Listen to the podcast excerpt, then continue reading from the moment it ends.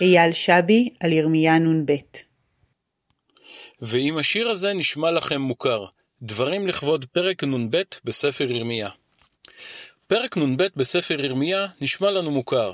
את חלקו הראשון של הפרק, המתאר את המצור על ירושלים, את הבקעת החומות ואת גורלו של צדקיה, חווינו כבר בתיאור החורבן בפרק ל"ט בספר ירמיה, ובפרק כ"ה במלכים ב'. את חלקו השני של הפרק, הכולל את תיאור חורבן בית המקדש ואת אחריתו המעודדת של יהויכין, קראנו גם כן בסיום פר... ספר מלכים. מספר כותבים במיזם 929 כבר עמדו על כך שבתיאור החורבן, בפרק ל"ט, נפקד חלקו של בית המקדש.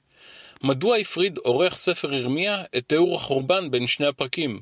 מדוע החליט לייצר כפילות זו? פרק ל"ט והפרקים הבאים אחריו מספרים על החורבן המדיני, על נפילת ממלכת יהודה, על, ממל... על מלחמת האחים האומללה שבאה בעקבותיה, ועל הירידה למצרים שסתמה את הגולל על התיישבות ישראל בארצו עד לשיבת ציון. סיפור זה כה עוצמתי בזכות עצמו, עד קיצר המקום מלהכיל בו גם את תיאור חורבן בית המקדש, על כל זכיות החמדה שבו, ממסד ועד כותרות עמודי הנחושת. עם זאת, לא ייתכן שספר ירמיה, ספר חורבן ממלכת יהודה, יתעלם מחורבן בית המקדש. במיוחד לאור דברי ירמיה, המנבא לאורך הספר את חורבנו. לכן, פרק נ"ב, הסוגר את ספר ירמיה, לא נמנע מלתאר מאירוע זה ושוזר זה בזה את סיפור החורבן המדיני ואת חורבן בית המקדש.